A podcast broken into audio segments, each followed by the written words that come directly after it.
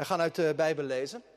Vandaag is de laatste keer dat we stilstaan bij blok 5 van het focusmateriaal. Jezus en het koninkrijk heet dat blok. Na de grondwoorden komst, koning, kosmos, vandaag het woord kracht. De schriftlezing is Matthäus 9, vanaf vers 35 tot 10, vers 20. Ik zal het eerste gedeelte lezen. En Jiska, die straks ook meedoet met het gebed, leest dan Matthäus 10 vanaf vers 11 tot 20. We beginnen bij Matthäus 9, vers 35. En Jezus trok rond in al de steden en dorpen en gaf onderwijs in hun synagogen. En hij predikte het evangelie van het koninkrijk en genas iedere ziekte en elke kwaal onder het volk. Toen hij de menigte zag, was hij innerlijk met ontferming bewogen over hen, omdat zij vermoeid en verstrooid waren, zoals schapen die geen herder hebben. Toen zei hij tegen zijn discipelen: De oogst is wel groot, maar er zijn weinig arbeiders. Bid daarom tot de Heere van de oogst dat hij arbeiders in zijn oogst uitzendt. En hij riep zijn twaalf discipelen bij zich en gaf hun macht over de onreine geesten om die uit te drijven en om iedere ziekte en elke kwaal te genezen.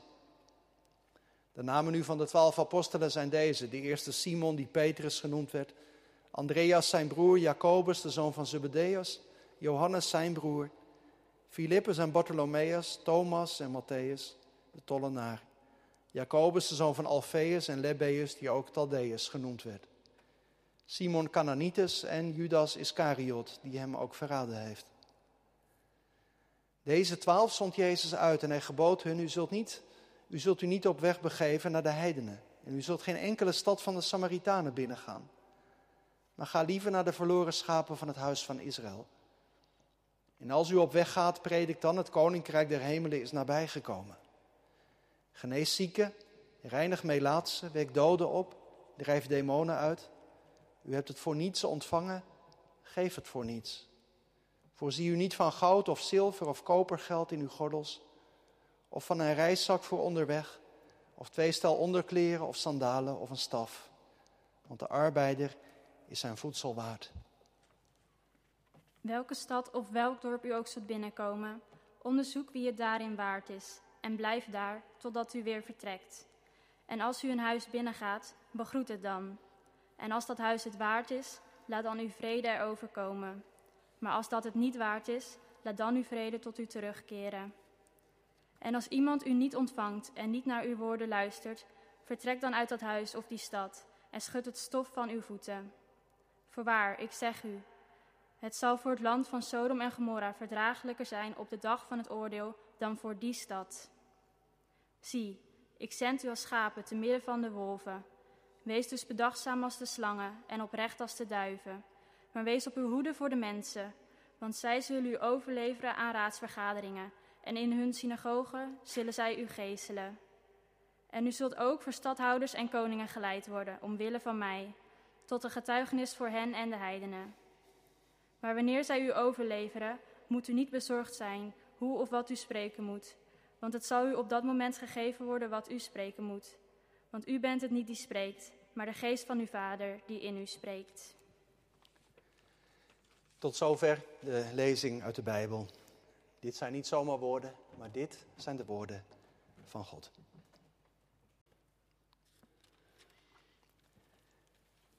Het is best een lang gedeelte dat wij lazen.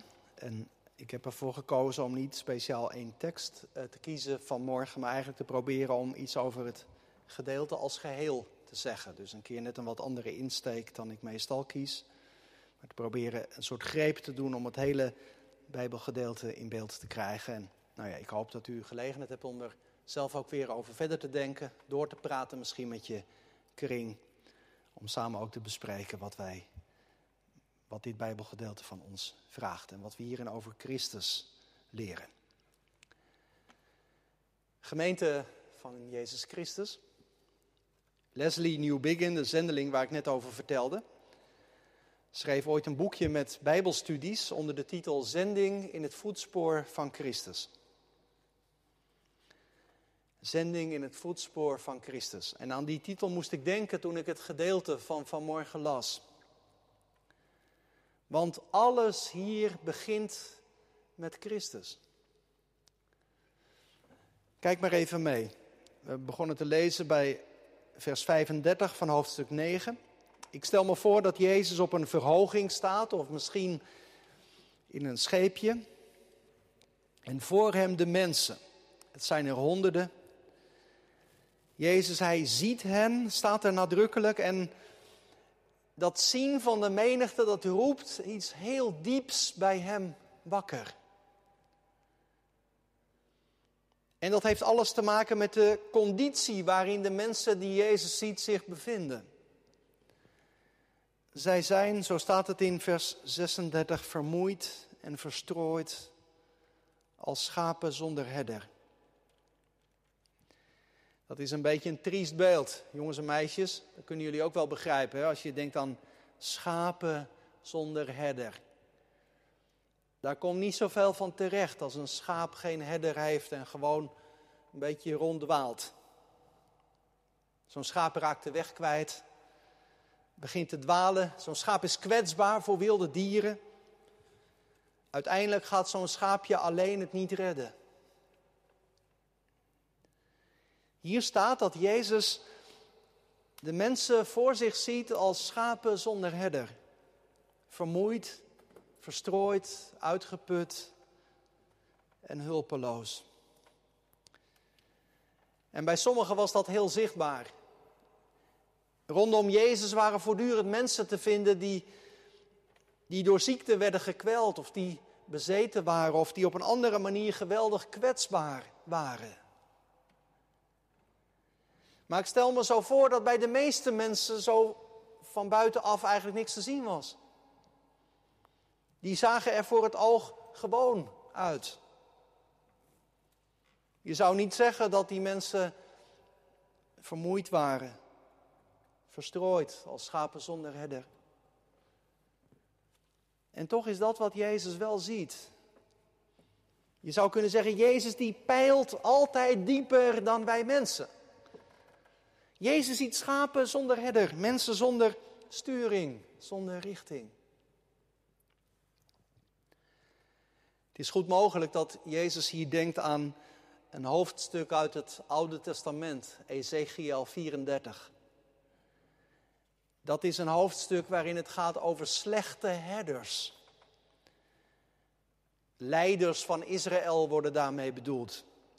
Mensen die het volk, de schapen die aan hen waren toevertrouwd, zouden moeten leiden, zouden moeten voorgaan op de weg van God. Maar ze zijn alleen maar met zichzelf bezig. Ze lieten het afweten. Er waren mensen met vragen, maar ze kregen geen antwoorden. Er waren mensen met nood, maar ze vonden geen hulp. Er waren mensen met tranen, maar ze werden niet getroost. Er waren mensen met zonde, maar ze hoorden niet van vergeving. Helemaal op zichzelf aangewezen waren ze. Schapen zonder herder. Nou, zo ziet Jezus de mensen. En wat mij nu zo geweldig raakt in dit gedeelte is de reactie van Jezus. Hij ziet die menigte voor zich en dan staat er dat hij innerlijk met ontferming bewogen over hen is. Die uitdrukking die duidt op een geweldig sterke emotie. Een diepe compassie. Je zou kunnen zeggen, de nood die Jezus zo voor zijn ogen ziet, die raakt hem tot in zijn diepste innerlijk. Je zou kunnen zeggen, Jezus, hij voelt de nood echt fysiek in zijn lijf. En iedere keer als ik deze woorden lees, dan ontroeren ze me. Dit Bijbelgedeelte gaat ook al heel lang met me mee. Ik zat even terug te kijken, maar een van de eerste preken die ik schreef als student, die ging juist over deze tekst. Over Jezus die de mensen ziet en met ontferming bewogen is. Hier in Matthäus 9 en 10 gaat het dan allereerst over het Joodse volk. Maar de ontferming van Jezus beperkt zich niet tot die groep. Dat is wat wij vorige week hebben gevierd met Pinksteren. Jezus is gekomen voor de wereld. Niet voor een apart klein groepje of zo, maar voor iedereen. En ook vandaag dus is die bewogenheid van Jezus er. En dat begint heel dichtbij. Ik zou je willen uitnodigen om het vanmorgen even heel concreet te maken voor jezelf. Stel het je maar even voor. Dat Jezus jou ziet. Jezus ziet u zitten op dit moment. Waar je ook bent, thuis, of in het ziekenhuis, of in het verpleeghuis. Misschien ben je nu wel een stukje aan het wandelen buiten en luister je deze dienst. Jezus ziet je. Hij weet precies wie je bent en hoe het bij jou van binnen ervoor staat. Hij kent je in je blijdschap, in je dankbaarheid. Maar hier in dit gedeelte ligt vooral toch ook wel op dat Jezus ons kent in onze nood.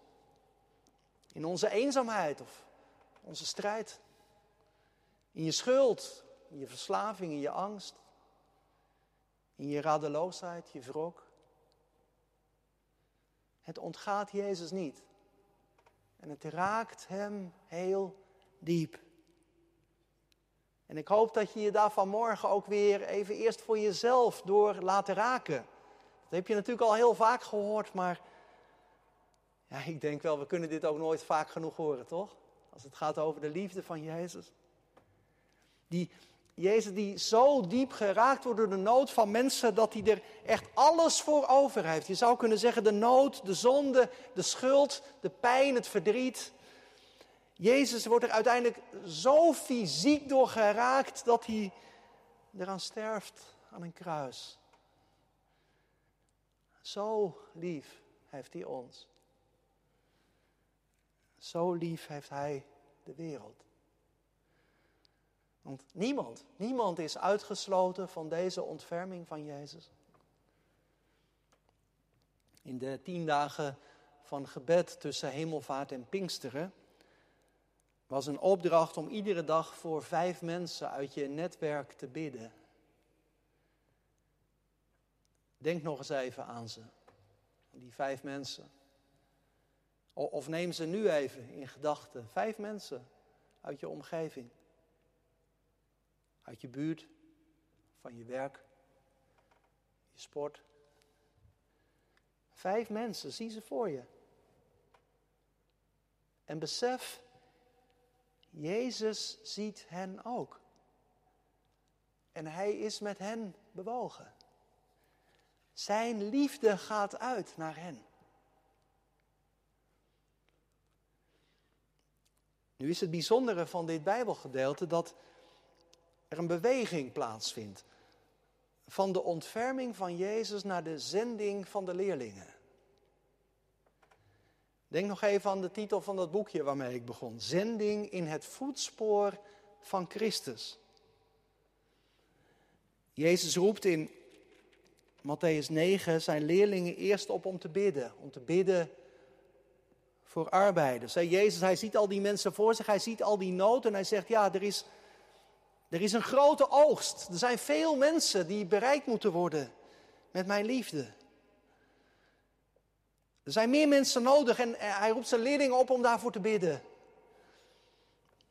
Bid om arbeiders, om mensen om de oogst binnen te halen. Maar bijzonder dat Jezus in één adem door dan zijn leerlingen er ook zelf op uitstuurt. Als je bidt, dan kun je nooit zelf buiten schot blijven. Hè? Dat hebben we toch ook wel geleerd, of niet? Als je bidt voor iemand in je omgeving, dan kan het niet zo zijn dat je daarmee je eigen verantwoordelijkheid afkoopt. Integendeel. Word je juist ook ingeschakeld. Om die weg te kunnen gaan, die weg van de uitzending door Jezus, is natuurlijk wel duidelijk dat je er eerst zelf ook door geraakt moet zijn. Dat je zelf ook die ontferming van Christus moet hebben leren kennen. Ik denk dat heel wat mensen die deze dienst nu uh, meemaken, wel eens gehoord hebben van Dietrich Bonhoeffer en misschien ook wel van zijn boekje Navolging. Het zou zomaar kunnen dat je thuis in de kast hebt staan. Dan moet je het maar eens opzoeken straks en kijken wat Bonhoeffer schrijft over dit Bijbelgedeelte. Hij gaat er eigenlijk vrij uitvoerig op in. En in dat boekje Navolging schrijft hij ook over het belang van, van zelf ook geraakt zijn door de bewogenheid van Jezus voordat je naar anderen toe kunt. Wie zou, een citaatje, wie zou ook dit werk kunnen opnemen dan alleen hij, alleen zij, die deel heeft gekregen aan het hart van Jezus? Die door hem ziende ogen gekregen heeft. Daar begint het dus mee, met zelf ook geraakt zijn. Door de liefde, door de ontferming van Jezus. Nou, vervolgens zie je dus in hoofdstuk 10 dat de leerlingen er ook daadwerkelijk op uit worden gestuurd. En ja, dat is een heel geladen gedeelte waar je eigenlijk bij ieder vers ook weer heel uitgebreid dingen over zou kunnen zeggen. Ik, ik kies er vanmorgen voor om er eigenlijk even zeven dingen kort uit te halen. Een soort overview van dat hoofdstuk 10. Zeven dingen die mij opvallen in, in het gezonde zijn door Jezus. En ik volg gewoon het hoofdstuk maar een beetje. Allereerst, daar begint het mee, de leerlingen die gezonden worden gaan niet in eigen kracht. In vers 1 en ook in vers 8 wordt gezegd dat Jezus hen de macht geeft. De autoriteit over het kwaad. Macht over alles wat die ontferming van Jezus eronder wil krijgen. En dat is veel. Dat is opvallend, dat overal waar het licht van het evangelie komt, dat daar ook altijd de macht van de duisternis zich roert. Dat zie je ook om Jezus heen gebeuren. Waar Jezus is, waar hij wonderen doet, daar zie je voortdurend dat de vorst van de duisternis het terrein probeert terug te winnen. Ja, zo zal het ook zijn als de leerlingen de wereld ingaan. Steeds zullen ze ook die strijd merken. Die strijd tussen de liefde van Christus en het rijk van de duisternis. Maar, zegt Jezus hier bij voorbaat, jullie zijn niet kansloos. Je gaat niet alleen. Je ontvangt de kracht van Christus, mijn autoriteit over de macht van het kwaad. Tweede, wat opvalt, is dat Jezus zijn leerlingen bij naam kent. Versen 2 tot 4, die hele eh, rij van de twaalf discipelen. Nou, daar zit natuurlijk wel nog wat meer in dat alleen de namen even worden opgezond. Jezus, hij weet wie ze zijn. Hij kent ze. En ja, inderdaad, heel verschillend. De een wat meer op de voorgrond. De ander wat schuchter. Er zitten ook namen bij, denk je, oh, was dat ook een discipel? Nog nooit van gehoord eigenlijk. Hè? Petrus kennen we allemaal, maar... Nou, uh, Simon Cananitus of zo, of Lebbeus, die ook Taddeus genoemd werd, daar lees je eigenlijk bijna nooit over. Heel verschillend zijn ze. Maar door Christus gekend. Door en door. En daarom weet hij ook wat ze nodig hebben. Het derde, wat in dit gedeelte opvalt, is dat de zending begint bij het Joodse volk. Daar ligt de eerste roeping. Heel nadrukkelijk zegt Jezus daar, vers 6 bijvoorbeeld, hè, ga naar de verloren schapen van het huis van Israël. Niet naar de heidenen, niet naar de Samaritanen. Zending begint bij Gods volk van het begin. Daar gaat, om zo te zeggen, Gods hart allereerst naar uit. Naar dat volk waarmee hij al een hele geschiedenis gegaan was. En dat is ook de lijn die je ziet aftekenen na Pinksteren. Altijd het eerste gaan de discipelen naar de synagoge toe om daar over Jezus te vertellen. Goed om dat ook ons steeds weer te binnen te brengen. Dat dat Joodse volk in het plan van God een bijzondere rol blijft houden. Ook na Pinksteren. Het vierde wat opvalt is dat, ik heb het maar zo gezet, woord en daad samen opgaan. In vers 7 zie je dat de leerlingen worden opgeroepen om te preken. Het koninkrijk der hemelen is nabijgekomen. Het koninkrijk is doorgebroken met de komst van Jezus Christus. Maar dat heeft vervolgens ook heel praktische gevolgen. Dat betekent doorbreking van de ban van ziekte, van dood, van gebondenheid. Het kan niet zo zijn dat het evangelie alleen betekenis heeft voor de dingen die je denkt. Het heeft ook betekenis voor hoe je in het leven staat, voor de dingen die je doet. Niet voor niets zijn christenen ook altijd als het evangelie gebracht werd, ook, ook gaan helpen om bijvoorbeeld uh, onderwijs te geven.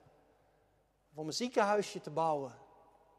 Zo zijn christenen altijd op weg gegaan met woord en daad samen op. Daarbij. Het vijfde wat mij opvalt in dit gedeelte is dat, ik heb het maar zo gezet, het zal de leerlingen aan niets ontbreken. Denk nog even aan dat beeld van schapen zonder herder. Als je denkt aan, aan Jezus die de goede herder is.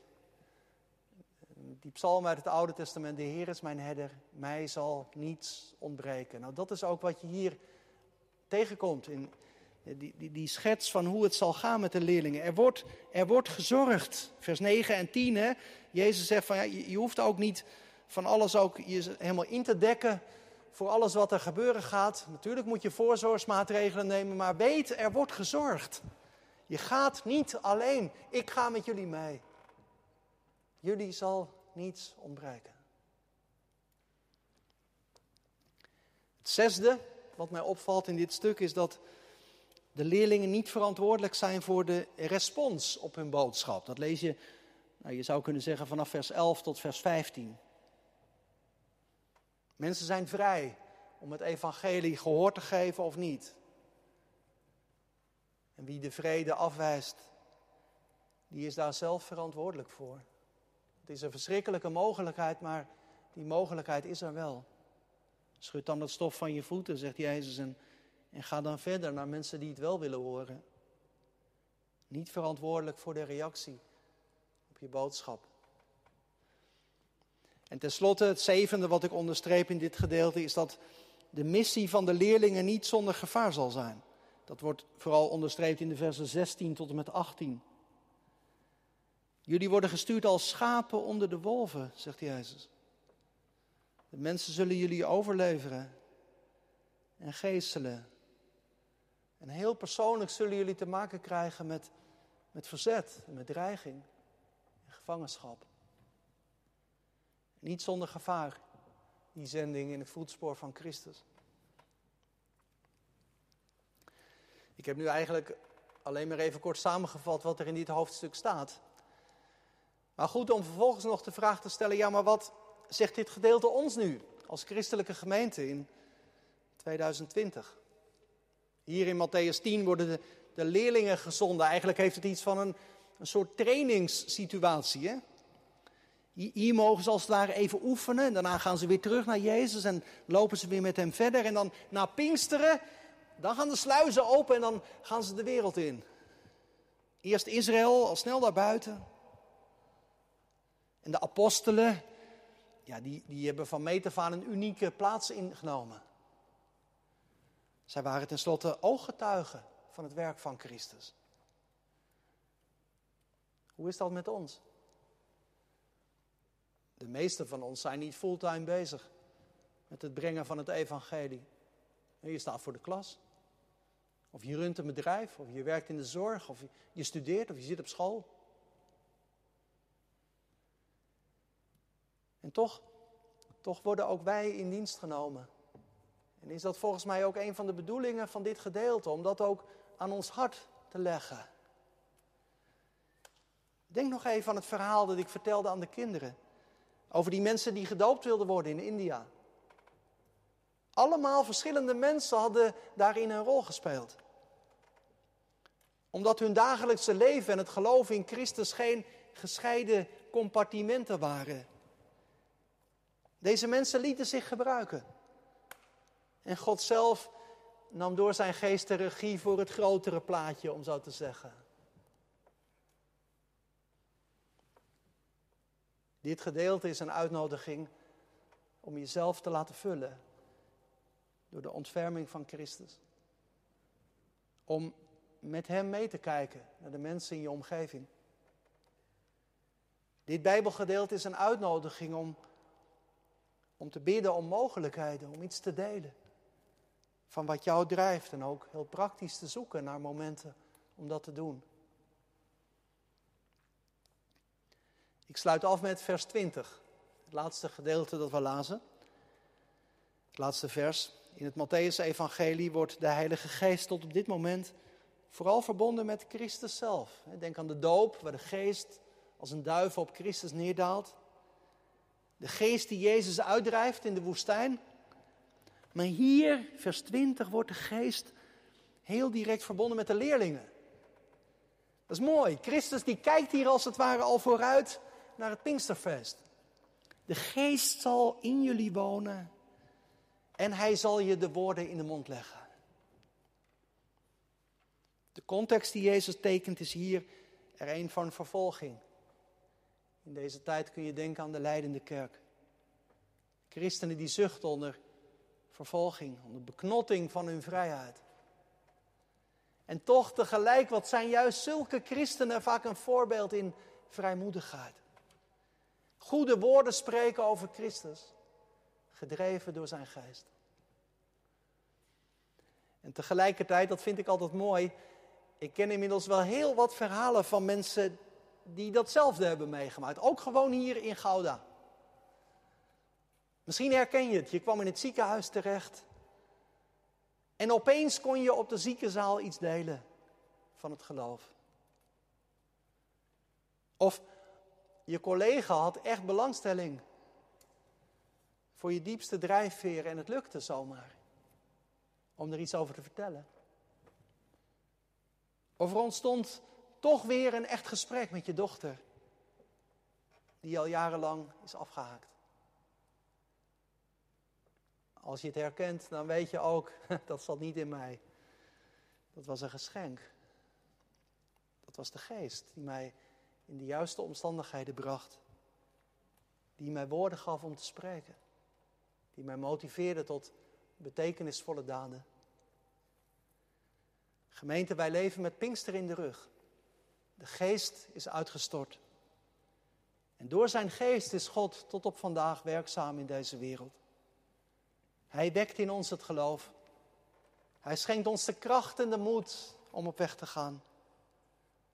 Om het evangelie van de ontferming van Jezus niet voor onszelf te houden, maar het uit te delen aan de mensen op mijn levensweg. Laten wij dat doen. Zending in het voetspoor van Christus. Eer aan de Vader, eer aan de Zoon, eer aan de Heilige Geest.